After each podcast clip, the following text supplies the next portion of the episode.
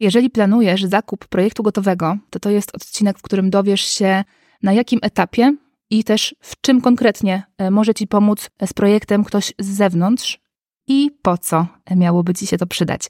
Także zapraszam. Dzień dobry, cześć. Nazywam się Maria Bladowska, jestem architektem, a to jest podcast Dom według Ciebie, czyli podcast o wszystkim, co dotyczy planowania Twojego przyszłego domu. Cokolwiek może Ci pomóc, żeby Twój projekt był lepszy, tutaj to znajdziesz. Dzisiaj kolejny odcinek o wyborze projektu gotowego, e, już na ten moment ostatni. E, I w tym odcinku chciałabym Ci opowiedzieć o tym, e, na jakim etapie możesz albo musisz też skorzystać z pomocy jakichś specjalistów, na przykład projektantów, bo pewne rzeczy możesz zrobić samodzielnie, ale są też takie, których nigdy nie możesz zrobić samodzielnie. Bo oprócz tego, że powiem trochę o wyborze projektu, e, to też opowiem Ci, co jest ważne, jeżeli chodzi o współpracę ze specjalistami e, na etapie adaptacji e, projektu gotowego.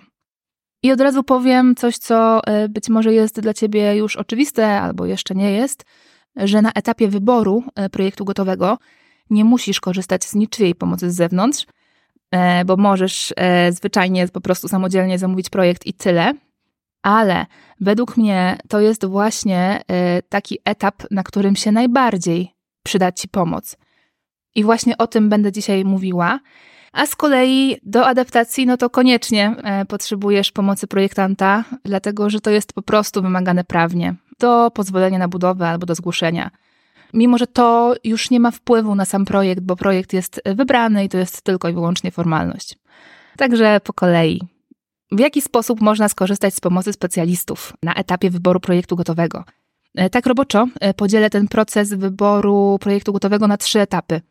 Po pierwsze, przygotowanie do tego, to jest bardzo ważne, e, szukanie projektu i zakupienie projektu, no to co, co się wiąże z adaptacją.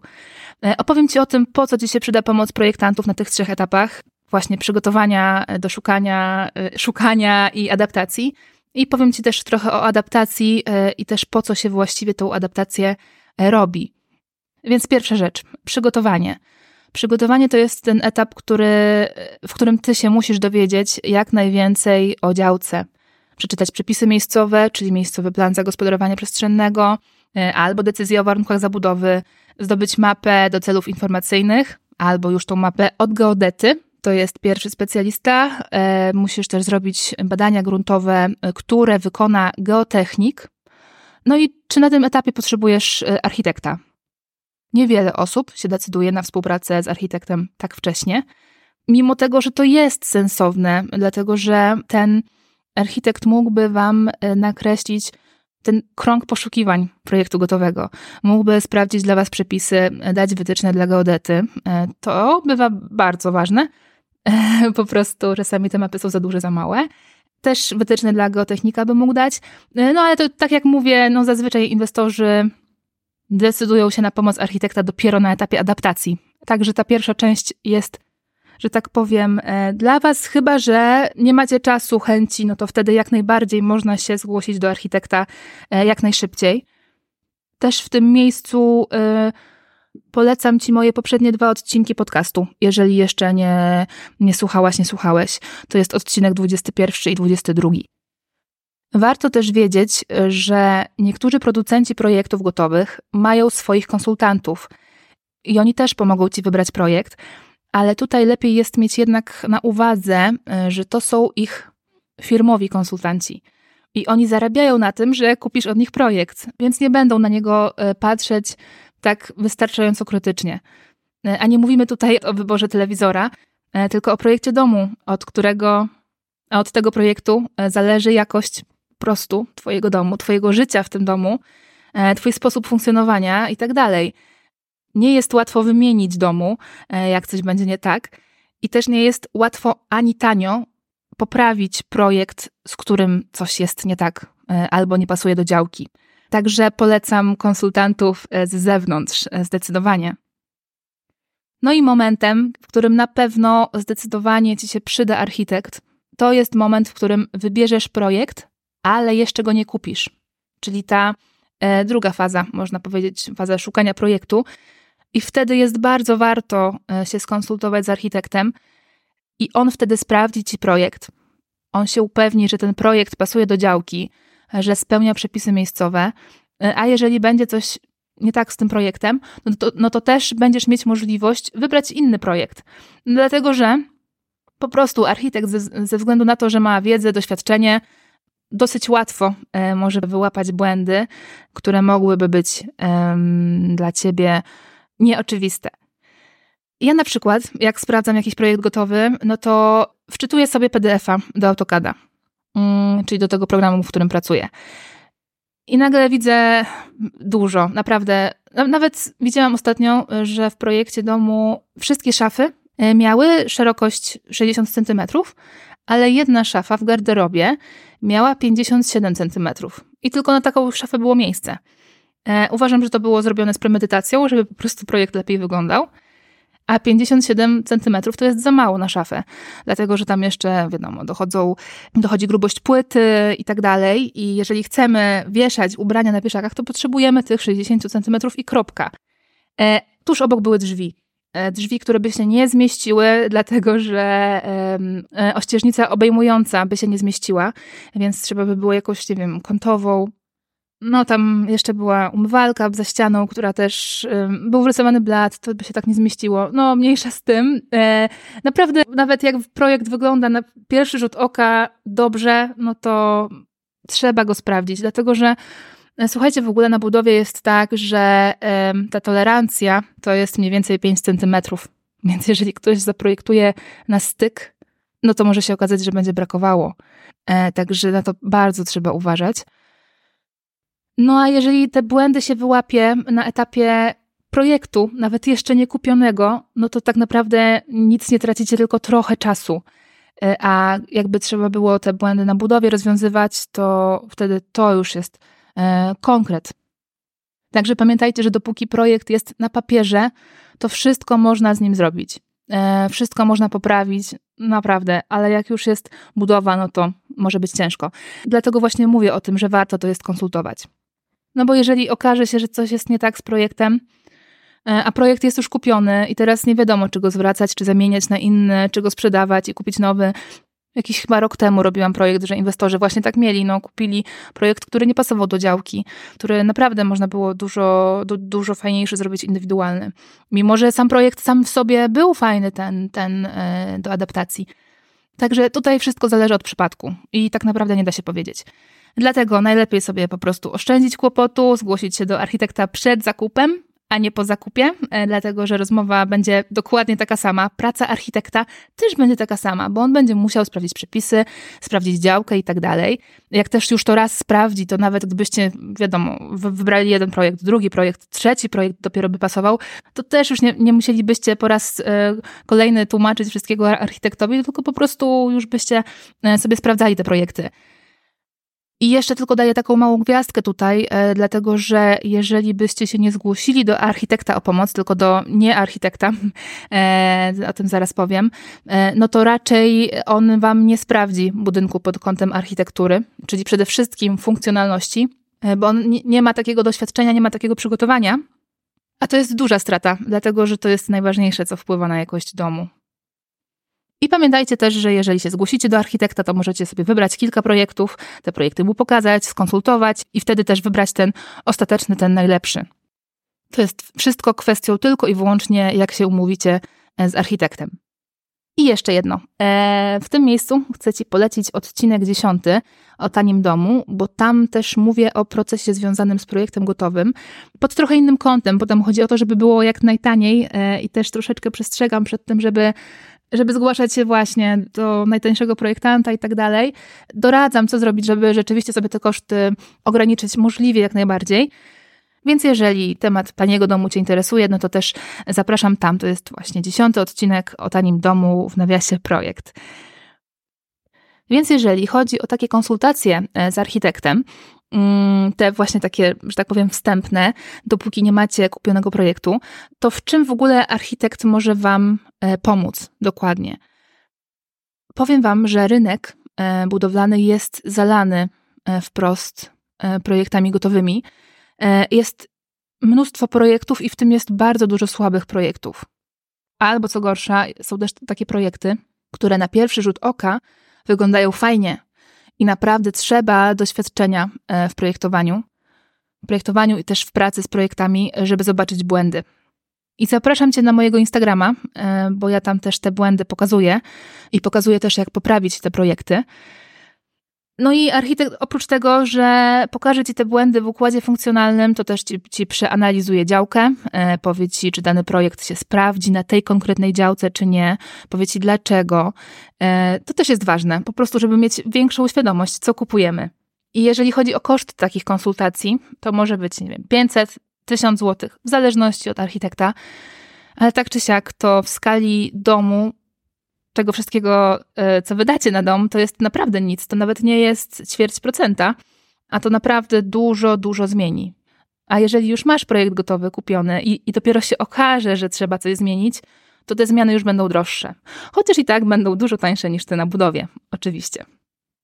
E, także faza planowania. E, do niej się przyłóżcie, w nią zainwestujcie, dlatego że to Wam się naprawdę zwróci kilkukrotnie, kilkudziesięciokrotnie nawet. I to nawet nie tylko materialnie, ale też oszczędzi Wam po prostu nerwów, stresu i czasu. I wiem o czym mówię, bo jest wiele osób, które nie zaplanowały dobrze swojej inwestycji i nie jest tak łatwo już poprawić błędy w momencie, kiedy budowa już trwa, albo nawet jak, jak dom już stoi. Y, oczywiście można próbować, ale to jest po prostu kosztowne, trudne, mozolne i w ogóle. Także podkreślam, że ta faza planowania jest absolutnie kluczowa. Aha, i jeszcze ostatnia rzecz, jeżeli chodzi o tą fazę planowania, e, czyli tego momentu szukania projektu gotowego, to w tym może Ci pomóc tylko architekt. Już o tym przed chwilą mówiłam, ale jeszcze tylko chciałam podkreślić, że nie pomoże Ci konstruktor, nie pomoże Ci kierownik budowy, dlatego że na tym etapie szukania projektu sprawdza się tylko i wyłącznie architekturę, czyli bryłę się sprawdza i układ funkcjonalny. Sprawdza się budynek i w 2D, i w 3D, tak? Dlatego, że nie zapominajmy o tym, że chociaż oglądamy rzuty, to jednak budynek jest w trzech wymiarach. No i do tego, żeby to dobrze sprawdzić, ma kompetencje tylko architekt. Na konstrukcję i inne elementy projektu będzie czas później, jak już będziecie mieli projekt, jak już będziecie go mieli w ręce i będzie wiadomo, jak ta konstrukcja wygląda. No i teraz faza trzecia, ostatnia faza adaptacji. E, to jest ta faza pozwolenia na budowę albo zgłoszenia. I kto tutaj może Ci pomóc? Pierwsze, co musisz wiedzieć, to że projektanci projektu gotowego podpisują się pod nim, ale równie dobrze mogliby się nie podpisywać. E, moglibyśmy nie wiedzieć, kto projektował mm, dany budynek, przynajmniej z tego punktu widzenia prawa budowlanego, no bo oni e, podpisują się też pod tymi projektami ze względu na prawo autorskie. I też te projekty są chronione e, prawem autorskim. Nie wszystkie zmiany można wprowadzać. O zmiany trzeba pytać, czy można je wprowadzić. Ale to, co jest ważne dla ciebie jako inwestora, to jest prawo budowlane, dlatego że między innymi prawo budowlane określa Twoje też obowiązki. I z punktu widzenia prawa budowlanego, to ci autorzy, uwaga, nie są projektantami e, budynku w rozumieniu ustawy prawo budowlane. I ci projektanci nie biorą żadnej odpowiedzialności za projekt, bo projekt gotowy sam w sobie nie dostanie pozwolenia na budowę, dlatego że projekt wykonuje się dla danej działki budowlanej. Bierze się pod uwagę warunki gruntowo-wodne, przepisy prawa miejscowego yy, i te inne czynniki, które wpływają na projekt. Bo pozwolenie na budowę zawsze uzyskuje się dla działki, nie dla domu. Po prostu zgodnie z prawem. I żeby dostać pozwolenie na budowę, to trzeba spełnić odpowiednie przepisy. I właśnie za to spełnienie przepisów projektant bierze odpowiedzialność. I o to chodzi w adaptacji, o to wzięcie odpowiedzialności za projekt. I czy to oznacza, że jeżeli na przykład konstruktor, który projektował konstrukcję w tym projekcie gotowym, tak ją zaprojektował, że budynek się zawali, to czy on nie bierze odpowiedzialności za projekt? Tak, on nie bierze odpowiedzialności za projekt. E, odpowiedzialność za projekt e, budynku, który się zawali, na przykład, taka e, teoretyczna sytuacja, tą odpowiedzialność bierze konstruktor, który adaptował projekt. No bo to on się zaznajomił z warunkami gruntowymi działki, ze strefą przemarzania, obciążenia wiatrem, śniegiem. I te wszystkie dane, które on bierze pod uwagę, one nie są jednakowe w całej Polsce. Dlatego projekt gotowy, on coś zakłada, ale e, to wszystko trzeba sprawdzić. Czyli w skrócie, e, na dobrą sprawę, autorzy projektu gotowego mogą porobić błędy i to im wyjdzie na sucho. W praktyce większość projektantów e, będzie projektowała jak trzeba te projekty gotowe, dlatego że jednak by się szybko rozeszła informacja, że robią projekty z błędami, ale na przykład z optymalizacji już ich nikt nie będzie rozliczał i dlatego tych projektów się nie optymalizuje. A optymalizacja to jest coś, co oszczędza pieniądze. Optymalizacja projektu polega na tym, żeby inwestor, że tak powiem, mógł wyciągnąć z projektu możliwie najwięcej najmniejszym kosztem. Czyli na przykład optymalizuje się konstrukcję, dlatego że przeliczając tą konstrukcję tylko na niezbędne obciążenia, czyli nie zakładając zapasów, bo i tak się zawsze zakłada dodatkowo e, współczynniki bezpieczeństwa. E, w każdym razie zakłada się takie obciążenia, jakie realnie będą w danym budynku, i dzięki temu konstrukcja jest tańsza. No bo na przykład ściany mogą być cieńsze, stropy mogą być cieńsze, albo można użyć mniej stali e, w żelbecie. Architekturę też się optymalizuje, chociażby pod kątem powierzchni, i wtedy im lepiej jest przemyślana przestrzeń, ta przestrzeń do mieszkania, przestrzeń do funkcjonowania, ale też ta przestrzeń na przechowywanie albo przestrzeń techniczna. I wtedy im lepiej to jest zrobione, tym mniejszą powierzchnię może mieć dom. Bo im lepiej architekt zrobi wywiad co do sposobu życia mieszkańców, ich oczekiwań, e, no to wtedy ta przestrzeń będzie e, lepiej do nich dopasowana i też dzięki temu będzie lepiej wykorzystana. I to jest przykład optymalizacji. Po prostu robimy to, co jest potrzebne mieszkańcom, i za co też warto płacić, bo to będzie potrzebne mieszkańcom. No i to ja mówię o pieniądzach, ale też jest kwestia na przykład sprzątania. Czyli, że nie mamy e, takiej przestrzeni nieużytkowanej, która właściwie tylko do sprzątania e, służy, można powiedzieć. No i wracając do projektu gotowego. W projekcie gotowym nie ma optymalizacji, bo nie ma działki, pod którą można ten projekt optymalizować. Nie ma inwestora z jego potrzebami. I nie ma też na to czasu, dlatego że te projekty się robi szybko. A bez optymalizacji uważam, że e, nie ma dobrego projektu. Nie chodzi o to, żeby ten projekt optymalizować do samego końca, żeby było po prostu, wiadomo, żeby było to tak wyciśnięte, że szok, bo to też mało kto będzie chciał zrobić. E, to też musiałoby po prostu swoje kosztować. Ale chodzi o to, żeby nie robić rzeczy zbędnych, niepotrzebnych. I teraz, jacy projektanci przydadzą Ci się w tej ostatniej fazie, czyli fazie adaptacji? Jak już kupisz projekt? Pierwszą rzeczą do sprawdzenia jest konstrukcja. I właśnie w konstrukcji najczęściej można ograniczyć koszty. Też w tym miejscu mi się znowu przypomniał mój dziesiąty odcinek podcastu, także e, zapraszam Cię e, do przesłuchania tego o tanim domu. Nawet jeżeli nie planujesz taniego domu, no to możesz e, się dowiedzieć czegoś więcej po prostu. Ale wracając, e, co jeszcze można sprawdzić? Można sprawdzić instalacje sanitarne, czyli instalację wodno-kanalizacyjną, instalację ogrzewania i instalację wentylacji mechanicznej.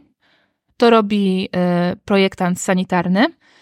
I można sprawdzić te instalacje pod kątem tras, czy one mają sens.